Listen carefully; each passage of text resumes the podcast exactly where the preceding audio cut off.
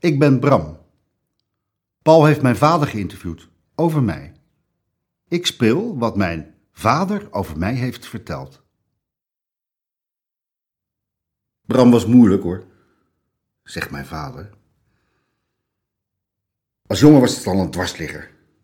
Tegen draads kan hij nog wel zijn, maar hij is nu ook lief. Het gaat nu heel redelijk. Geen uitschieters meer.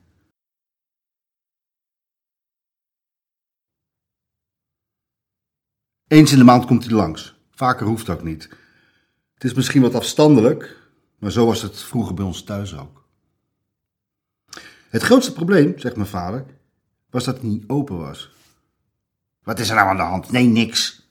Hij zweeg altijd maar. Als je gaat praten, dan kan je problemen samen oplossen. Maar Bram was een zwijger.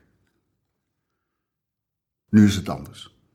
Hij is nu veel opener dan vroeger. Hoe ouder, hoe beter het gaat. Ook financieel. Het gaat heus wel goed. Ik had al een huis voor hem gekocht.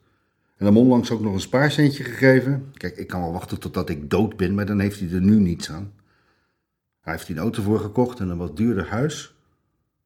Hij is wel verwend. Enig kind. En ik heb dat zelf gedaan, weet ik wel. Ik had geen ander kind. Ik kom zelf uit een groot gezin. Daar was van verwennen geen enkele sprake. Ik ben lang vrijgezel geweest. Mijn enige echte verkering uit de jaren is een verschrikkelijke mislukking geworden. Ik dacht, krijg dat Lazarus, ik hoef helemaal niks meer. Maar ik was een aantrekkelijke jongen in die tijd. Ik kon heus wel meisjes krijgen. Toen ik 35 was, was er een meisje van 17 die verkering wilde. Maar dat heb ik niet gedaan. Ik ontmoette een vrouw die leiding gaf aan een clubhuis in Delft. En ik was amateurfilmer in die tijd en zij vroeg me om te komen filmen. En dat is toen mijn vrouw geworden.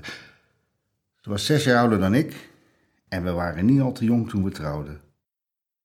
Eerst begonnen we een camping in Duitsland, maar dat was niks. Binnen een jaar waren we weer weg. Daarna begonnen we een jongensinternaat, een schippersinternaat.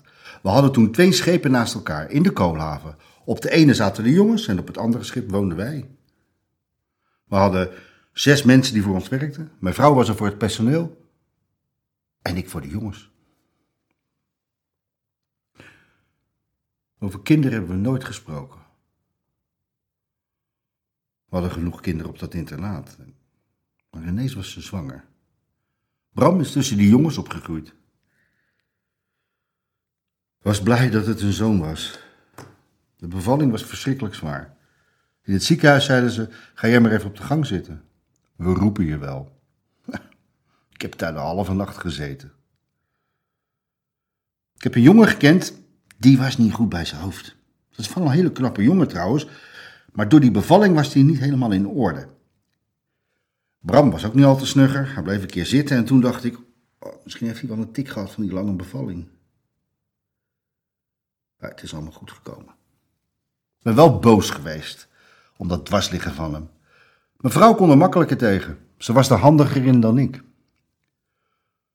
Hij kon niet zo goed leren. De middelbare school was een ramp, maar hij kon prachtig tekenen. Hij heeft kunstacademie gedaan. Hij heeft ook nog model gezeten, voor 25 gulden aangekleed, voor 35 naakt. Ja, dat wilde hij wel verdienen.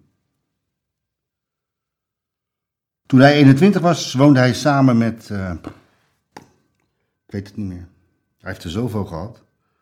Kan het niet allemaal onthouden. We maakten ons daar wel zorgen over. Is het nou alweer uit? Toen ik verkering had, maakte ik het nooit uit, want dan had ik niks meer. Er was er ook een, daar was die jaren mee gegaan. Ze hielden van elkaar, maar ze haten elkaar ook. Schijt er dan toch mee uit, zei ik. Maar dan bleef dat op een of andere manier maar dooretteren en ik weet niet goed waarom.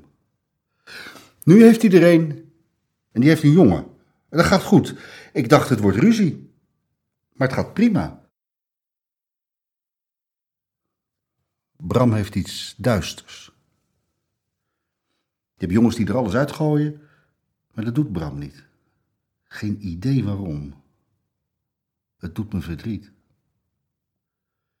Kijk, en of ik zelf zo'n open man ben? Nee, eigenlijk helemaal.